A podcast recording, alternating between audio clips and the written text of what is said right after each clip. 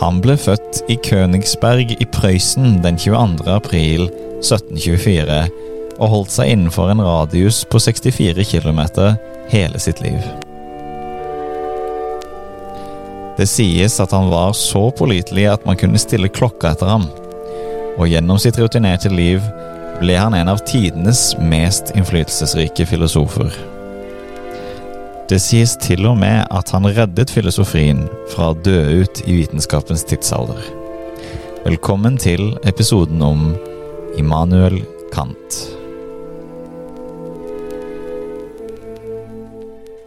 Jau, Der satt den i sikringsboksen, du. der satt han.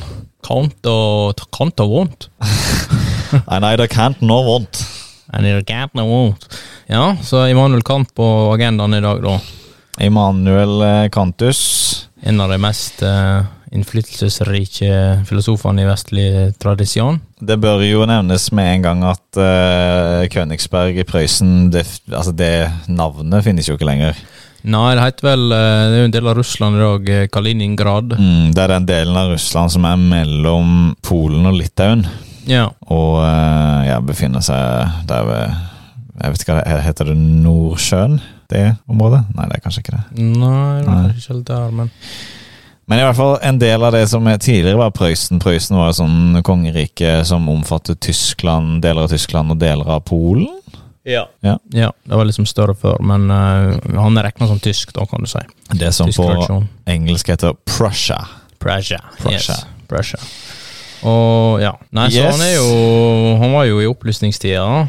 Eh, Mm. født, som du sier, i Königsberg, og levde fra 1724 til eh, 1804, da. Så han levde litt inn på 1800-tallet, og de som er gode i hoderegning, har skjønt at han ble eh, hele 80 år. Mm. Så han ble jo gammel. eh, en gammel eh, mann. Han ble gammel til tross for at han ikke hadde de beste forutsetningene hva angår helse. Nei. Han slet veldig med helse, dårlig helse hele livet. Han ble ikke høyere enn 152 cm. Hadde til og med et sånn uthult bryst, sånn bryst som går innover, Ja. og en én deformert skulder. Mm. Og vi eh, ser jo på et bilde av han at han ser eh, litt sånn Han ser litt ut som en alien. Et romvesen. Ser, ser litt spesiell ut. Litt sånn uh, rad kranieform og hodeform og, og, og litt sånn uh, spesiell, men det er jo litt sånn Altså, historiske kildene så var han- regna som at han så, så litt rar ut, da. Mm. Men det finnes jo veldig mange forskjellige bilder og tegninger og skildringer av han, der han har, varierer veldig i hvordan han ser ut. da Mange Ja. bilder som ikke ligner på han i det hele tatt. Og noen For- bilder ser han fairly normal ut, og andre ikke. sant så Det er et maleri av Johan Gottlieb Becker som ligger på SNL. Der ser han sånn Han ser litt stusslig ut, men Ja, han ser relativt normal ut. ja relativt normal. Mm. Men han, det, han har sånn sveis hvor han har krøller på sidene liksom ved håret sitt, og det, hjelper, altså det gjør han jo ingen tjeneste, den sveisen. Det ser jo Nei. ikke spesielt bra ut, men Veldig vanlig å ha sånn sveis på den tida. han er jo Han har en stor panne, Mm. et stort liksom, hode oppe, men en liten, ganske liten kjeve. Mm. Eh, ser litt sånn Litt rar ut. Litt sånn Litt sånn ynkelig ut. Ja. Eh, men Men han var jo altså 1,52, det er jo ganske lavt. Jeg vet ikke om det, det er kortvokst, om det er dvergisme. Eller kanskje ikke så langt ned til dvergisme. Han ser ikke ut som han har dvergisme på, på bildene, i hvert fall, men uh, han, altså det, er jo, det er jo ganske lavt. Ja. Ja, Men han, uh, til tross for sin fysiske litt sånn spede utforming, så er han jo en gigant innenfor filosofien. ja, han er liksom en av de, en av de store. Absolutt. Og jeg slipper jo ikke unna den her tyskeren. Kant, Kant, Kant, Kant. Kant. Jeg har aldri vært særlig Se det er prosit. Da gikk det for seg. Kant og vondt. Ja. Kant, firkant, trekant, han er jo um, Mangkanta type. Du kan Denne var helt på kanten. Den du kan jo uh, si hva du vil om Kant. Jeg måtte bare Ja. Men han, du kommer deg ikke unna han i dag. Nei. Og eh, han har aldri fascinert meg. Han har aldri liksom provosert meg eller noen ting. Nei. Vi har jo lært om han eh, gjennom hans etikk. Ja, og, og kunnskapsteori. Mm. Særlig, men særlig pliktetikken, da. Ja. Så mener de at det er en eh, etisk eh, teori som han har utforma, som er nå ansett som en av de tre store de tre sentrale etiske teoriene. Ja, sant. Du har jo dydsetikk, og så har du konsekvensetikk, og så har du pliktetikken som Mm. er- kommer nå. Så det er jo det er jo det som er fortsatt mest sentral og blitt brukt en del, og han har hatt veldig mye innflytelse, i hvert fall fra hans tid og, og framover. i- Han er jo en av de største tenkerne innenfor opplysningstida, i hvert fall i Tyskland. Mm. Eller det som er Tyskland i dag. Absolutt. Holdt til i det som i dag heter Kaliningrad, før het Königsberg. Innenfor hele livet sitt innenfor en radius på 64 km. Ja, så han gikk, han bodde og studerte og jobba innenfor en, inne i, i Königsberg, liksom. Det er litt Mm. rart at han bodde på en måte hele livet sitt i den lille byen, da, Mm. eller mellomstore byen, og så likevel hadde han så dype innsikter og, og favna så bredt faglig sett, da.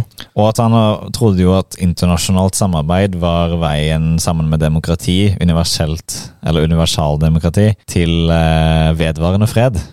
Ja, han hadde jo uh, boka si Den evige freden, Mm. Perpetual Peace, på engelsk, som han mente jo at gjennom økonomisk handel, handelsavtaler og sånne ting, og uh, så skulle vi sikre freden, da. Og i tillegg at uh, han populariserte vel kanskje litt av med at enkelte land ikke kan Folkeretten, da. Enkelte Mm. land ikke kan inngripe i andre sine land Mm. og begynne å lage bråk. Suverenitet. Som er veldig i internasjonale landskapet som er et liksom, viktig konsept nå, fortsatt i dag. Det er det absolutt. Uh, Königsberg, det, til tross for å ligge litt sånn avsides fra resten av Tyskland, for det her er jo øst for Polen. Det er jo uh, ganske langt vekk fra resten av Tyskland, fall som vi tenker på det i dag. Ja. Så var Königsberg et økonomisk senter, en Mm. havne- og universitetsby, Mm. og en by for verdensborgerne. Ja. Det var sin regions hovedstad. Ja. Så selv om han tilbrakte eh, hele livet sitt bare innenfor denne byen, så det var tydeligvis litt sånn verdensborgeraktig der. Han fikk nok litt impulser fra, som kan anses som litt eksotiske. Ja, han fikk litt impulser fra ulike områder, og han eh, dro jo blant annet mye inspirasjon og jobba mye med Isaac Newton. Ja. Leste hans verk eh, Principia, eller Mathematical Principle of Natural Philosophy Kult. på engelsk. Så han dro jo mye av Han prøvde jo å lage et, egentlig et metafysisk grunnlag for uh, Kant Nei. uh, Newton sin uh, fysikk. No. Så, og Newton levde vel på 1600-tallet? Ja, det vet jeg ikke. Ja, nei, så Jeg skal bare si ja. Så, ja, så han jobba mye med Begynte vel en del med matematikk og, og, og generelt sett naturvitenskapene, da, og undersøkte og studerte dem, da. Og så begynte jo han å studere filosofi, da, og, og, og tok jo ble utnevnt som professor i 1770, da. I logikk og i metafysikk. 15 år etter at han tok eh, og avla sin doktorgrad, Ja, så det tok sin tid. ja. Før han fikk den her eh, stillinga på universitetet. Han eh, underviste jo elever, først barneskoleelever og så studenter, ja. men hadde ingen fast stilling, så han eh, ble betalt direkte av elevene. ja. Litt spesielt. Ja, Nei, så han ble, jo, han ble jo litt kjent på si tid òg, da. Eh, Men han er mest kjent i, i ettertida, da. mm. Og hans, eh, en av hans mest kjente bidrag var jo hans måte, kritiske filosofi. da, Oh yes. Hvor han på en måte utfordra problemer i, i, i eh, det som heter rasjonalismen og, og empirismen, som var på en måte regjerende på den tida. da. Var troen på at fornuften Fornuften er svaret. Ja, fornuften, sant? altså Rasjonalismen hevder jo at kunnskap kan på en måte oppnås gjennom fornuft alene, mens empirismen hevder at kunnskap kan oppnås gjennom erfaring og sansene. sånn. Og de som sier at Kant reddet filosofien, det var jo de som, det er de som mener at han klarte å, å smelte disse sammen. da. Ja, ja, for, mm. Empiri, altså erfaring gjennom det vi sanser, og fornuft leder til eh, kunnskap. Ja, for han ønsket jo på en måte å forene de to, som du sier, de to perspektivene, og skape på en måte en syntese, da, Mm. som han kalte transcendental filosofi. Transcendental! Transcendental Han var jo Transcendentalen! Transcendental Deutsche De transcenderende filosofien. eh, overgår alt. Ja. Så han eh, i.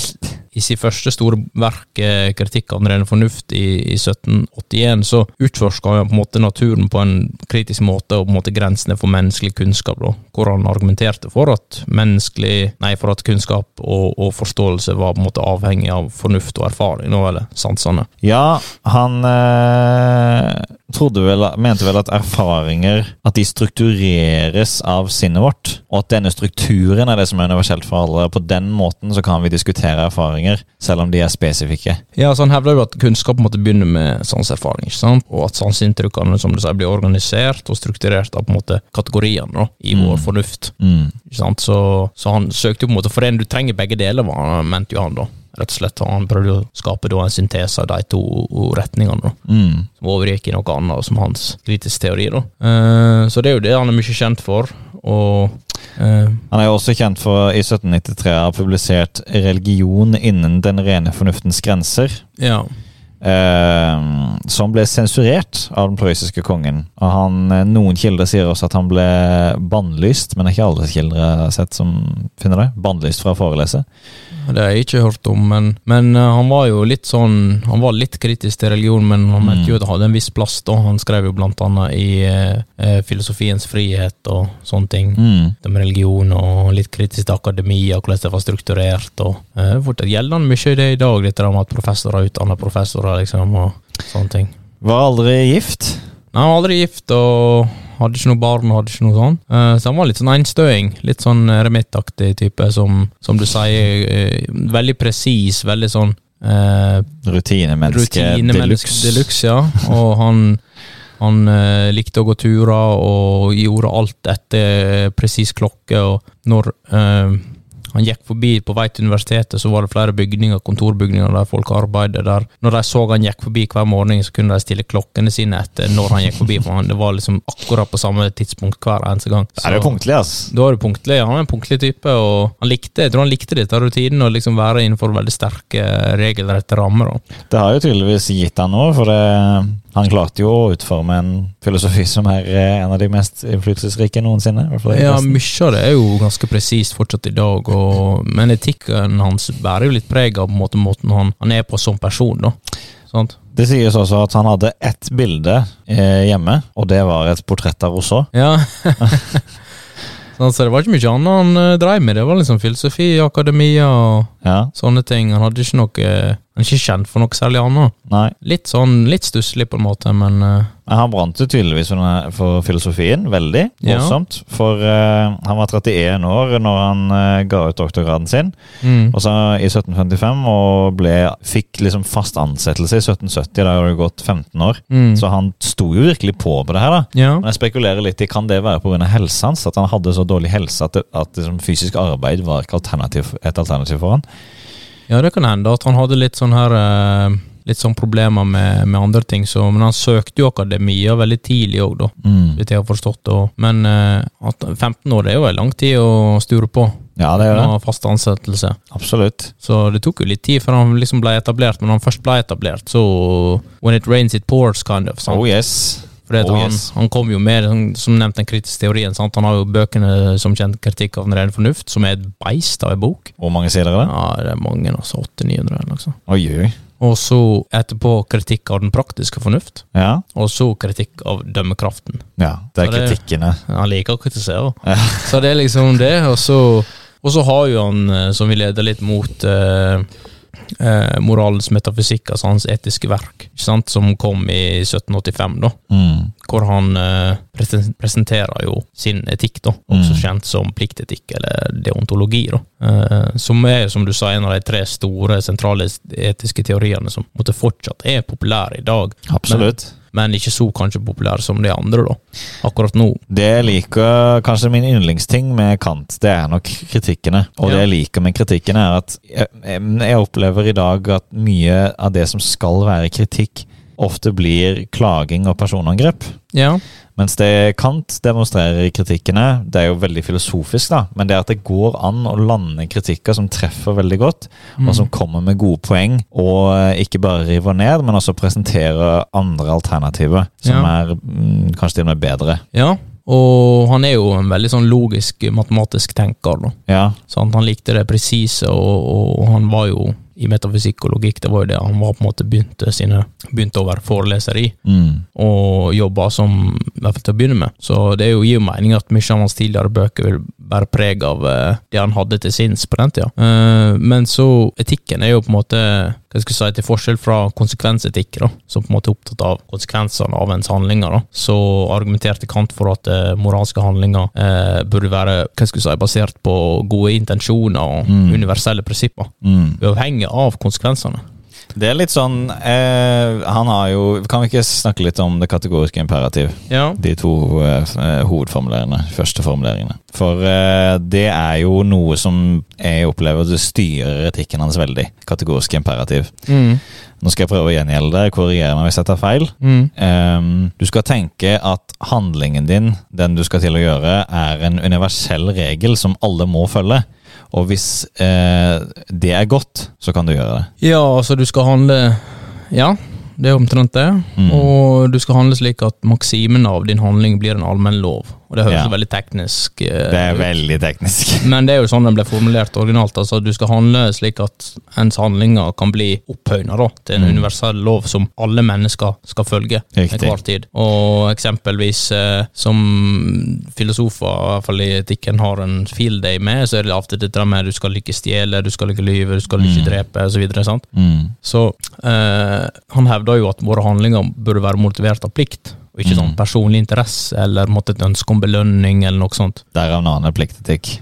Ja. Og eh, det der kategoriske imperativet, det mm, får meg til å tenke med en gang på den gylne regel. ja. Den eh, ligner jo litt på det eh, Du skal gjøre mot andre slik du selv vil ha gjort mot deg. Ja, og den andre setninga er jo at du skal behandle mennesket som et mål. Eller, du skal ikke behandle mennesket som et middel, men et Mm. mål i seg sjøl. Mm. Eh, Så han har jo latt seg inspirere av uh, den der kristne gylne regel-tradisjonen, da. Mm. Og utvikla sin egen eh, litt sånn universelle re leveregler etter det, da. En gyllen regel er vel Det er ikke meninga å liksom hakke på kristendommen, men den har vel dukket opp i de fleste kulturer, uavhengig av eh, kristendommen, tenker jeg. Ja, så når, eh, hvis du skal følge din plikt, og din plikt motgår den regelen, eksempel, så den må jo følge den regelen. Mm. Og den regelen er jo fortsatt til stede være i dag, men det jeg tenker, er jo at han glemte seg sjøl, tenker jeg. Mm. Mm. You forgot yourself, Kent. God Uh, damn it, Kent! you, you forgot yourself. Du skal behandle alle mennesker eh, som et mål i seg sjøl, og ikke som et middel. sant? Men hva om å behandle seg sjøl som et middel på vegne av andre? Ja, Hva om det krever at du behandler deg selv som et middel? Ja jeg, Ja. Føler jo at, føler at vi gjør det litt i dag, da. Mm. At vi behandler oss sjøl som et middel av at vi ønsker å please andre. Og da er man veldig sånn eh, moden for å bli utnytta. Ja, da er du moden for å bli utnytta. Mm. Og mye av den utnyttelsen skjer jo, er jo litt usynlig for andre, vet kanskje ikke om det, men det skjer internt hos seg sjøl at en føler at en ikke helt mestrer det, motivert av eksterne midler. Mm. Mm. Så, men det går jo litt på det hans ønske om belønning, sant, Eh, og personlig interesse. Du skal Mm. ikke være motivert av det. Skal en den plikta, uansett. Men en plikt kan jo være litt sånn eh, psykologisk eh, årbærende til tider, da. Det kan jo tolkes litt som en sånn motpol i hans uh, opplysningstidsgreie, for det var jo eh, uh, Veksten av kapital var jo veldig populær blant aristokratiet på den tida. Mm. Aristokratene skulle bli altså Selvfølgelig de skulle ha framgang og vitenskap og kunst og alt det her, og modning og dannelse, men de ville ha penger også. Ja. Voltaire, for eksempel, er et godt eksempel på det. Ja, For eksempel er et godt eksempel. for eksempel er et godt eksempel. Han eh, var jo tydelig på det fra starten av at ja da, jeg har lyst til å bli opplyst og filosofisk og sånn, men jeg Mm. vil først og fremst bli rik. Ja, ikke sant? Ønske om belønning der igjen. Og, og du har jo eh, skrekkeksempelet med han eh, Adolf Eichmann. Ja. Som eh, han forferdelige personen som sto bak holocaust under andre Mm. verdenskrig. Som Er ikke han kalt uh, djevelens regnskapsfører eller noe sånt? Ja, han var liksom den som orkestrerte hele greia. Ja. Eller mye av det i hvert fall sto bak eh, logistikken og administrasjonen. Mm. eh, bak eh, holocaust og sendte folk til, eh, til konsentrasjonsleir og sånne ting. Forferdelige ting. Og han ble jo dømt i rettssaken på 60-tallet, da. Og han mente jo at han gjorde bare plikta si. Mm. gjorde bare den plikta, Mm. han gjorde bare det han ble fortalt. Fulgte plikta si, fulgte Kant. Og han var liksom samme hevde at han var inspirert av Kant sin pliktetikk. ja. Og mens Hanne Arendt, som kritiserte han for dette, her mente at nei, men du har ikke fulgt den rasjonelt, du har jo ønsket om belønning. Du ønsker å komme opp i hierarkiet. Ja. Du Ja. om å bare komme deg opp og fram snarere enn å følge den plikten. Altså, du følger en bli, blind plikt. Og jeg skjønner egentlig poenget der til Eichmann, at uh, når Kant strevet jo etter å gjøre det upersonlig, Mm. og, og eh, skape en teori som ikke blir offer for våre lyster. Ja. Og som ikke kan forvrenges av våre lyster. Men når han gjorde det, så skapte han en hinderløype for en fisk, på en måte. Han, han, Ja. han skapte en teori som ikke tar inn over seg mennesket. Og det er litt det, derfor jeg skriver under på det når du sier at det glemte seg sjøl. For mennesker, vi, det, det er én person vi er av natur nødt til å leve med hele livet, og det er oss selv. Ja, og når du legger sånne her, og det er én ting, og det, det er viktig det du sier der, men det er òg litt med at vi som mennesker er veldig, har veldig store problemer med å tenke i større kategorier. Sant? Det er jo et kategorisk imperativ. Er Veldig vanskelig å tenke universelt på ting og generelt på ting. Mm. Sant? Når vi sier vi lager en sånn stor kategori, du skal ikke stjele, så er det veldig vanskelig for å forholde oss til den. Vi tror kanskje at vi klarer å forholde oss til den, men det er veldig vanskelig å gjøre det. Det må, det må gjelde i alle tilfeller. Det er kanskje lett i Kants veldig rutinerte, sånn minimalistiske, strukturerte liv. Mm. Men når du står liksom midt i krisa, og du er der, alt Ja. går bra, det er dårlig med det, og så bare plutselig skal du koble ut alt det stresset, sånn helt automatisk, og bare høyne tankene opp i Ja. himmelen til den kategorien. Det er liksom sånn det skal foregå. Hvordan Ja, hvordan skal det foregå, liksom? Ja. Sånn, Så du har, jo, du, har jo, du har jo tanken som du sa, dette med du skal ikke stjele. Det høres jo fint ut, mm, og det er jo tatt veldig fra ti buda til, mm, til mm. uh, Biblos. For det var, et sånn, det var et sånn eh, En universal lov han bare satt. Du skal ikke stjele, du skal ikke lyve. Ja, så tenk hvis du ikke skal uh, lyve, da.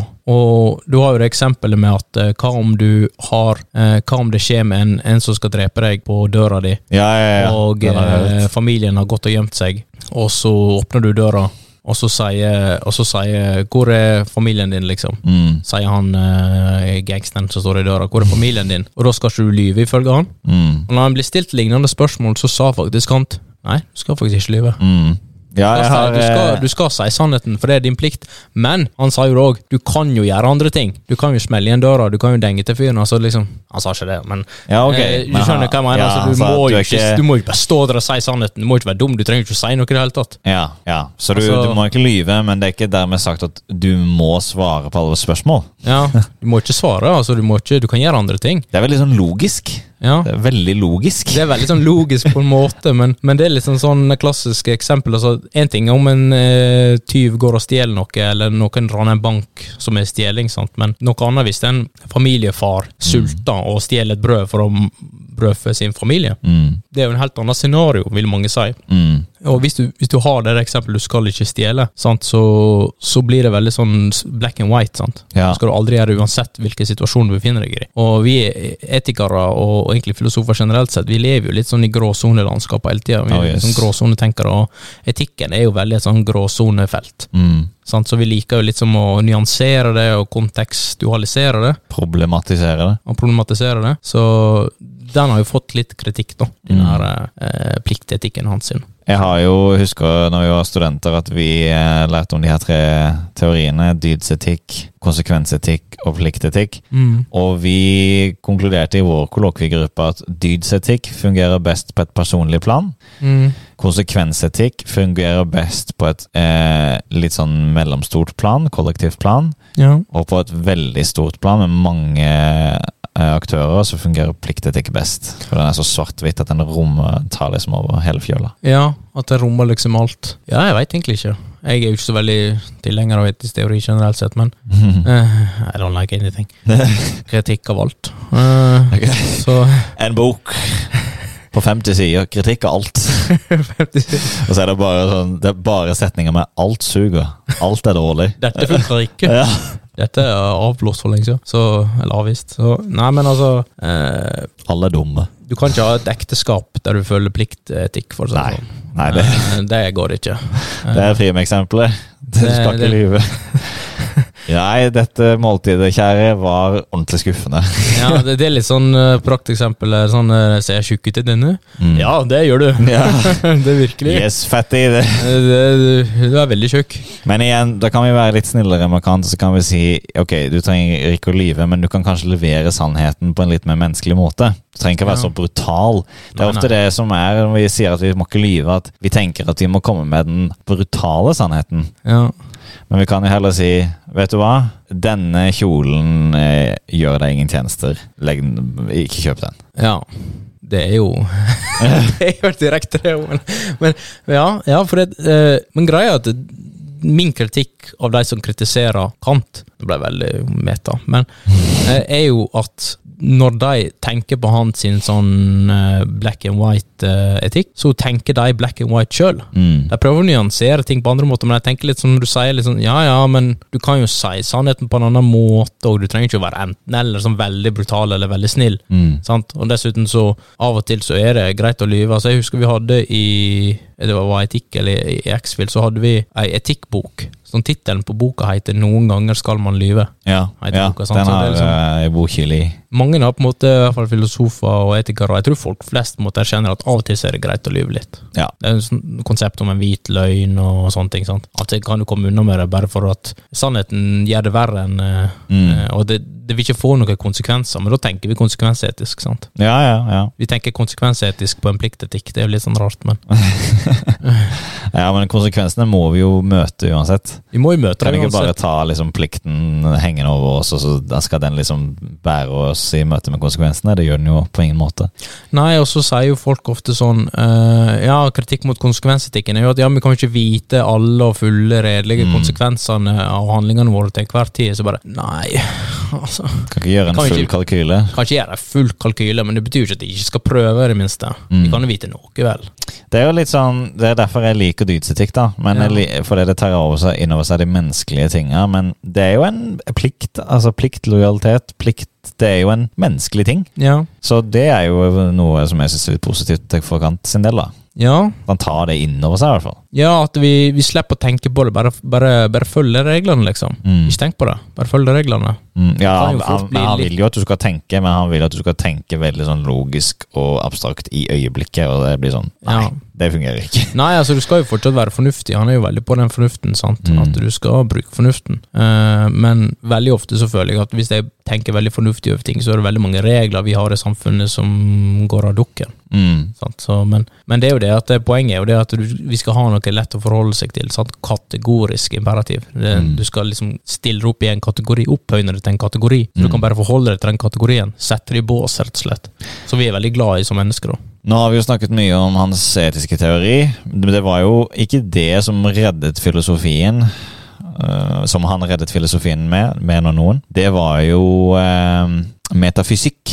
Ja. Og metafysikk det kan fort bli veldig teknisk. Vi skal ikke gå sånn i dybden på det, Nei. men vi bør si litt om det. Ja, nei, så jeg nevnte jo dette med rasjonalismen og empirismen, som var veldig store retninger på hans tid, som krigde veldig mot hverandre. Og han forente jo dem på mange måter, og så mente jo han òg at, eh, som sagt, at vi liksom vi har fornuft, og vi kan bearbeide den her eh, kunnskapen gjennom fornuften. Han har jo konsept om a posteriori og a priori kunnskap. Mm. Altså, altså kunnskap Før og etter erfaring. før og etter erfaring, sant. Så det er noe du kan vite bare i definisjonen av hva det er. Mm. Men det er veldig omstridt av hva som faktisk er foruten erfaringen. Mm. Han mener jo at fornuften på en måte er der, på plass. sant?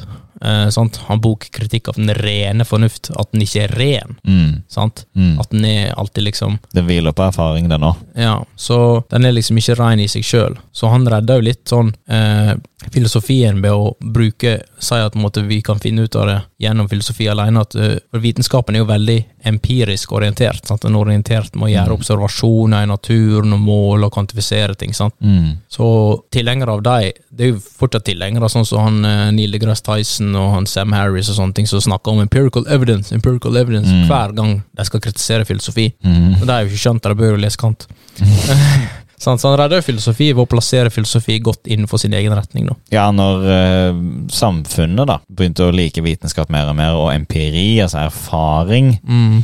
Å kunne peke til naturen og si 'der ligger svaret', istedenfor Ja. å peke til et resonnement, Ja. så eh, kom Kant, swoopa Kant inn Mm. med sitt uthula bryst og dårlige skulder og sa 'hei, hei, hei'.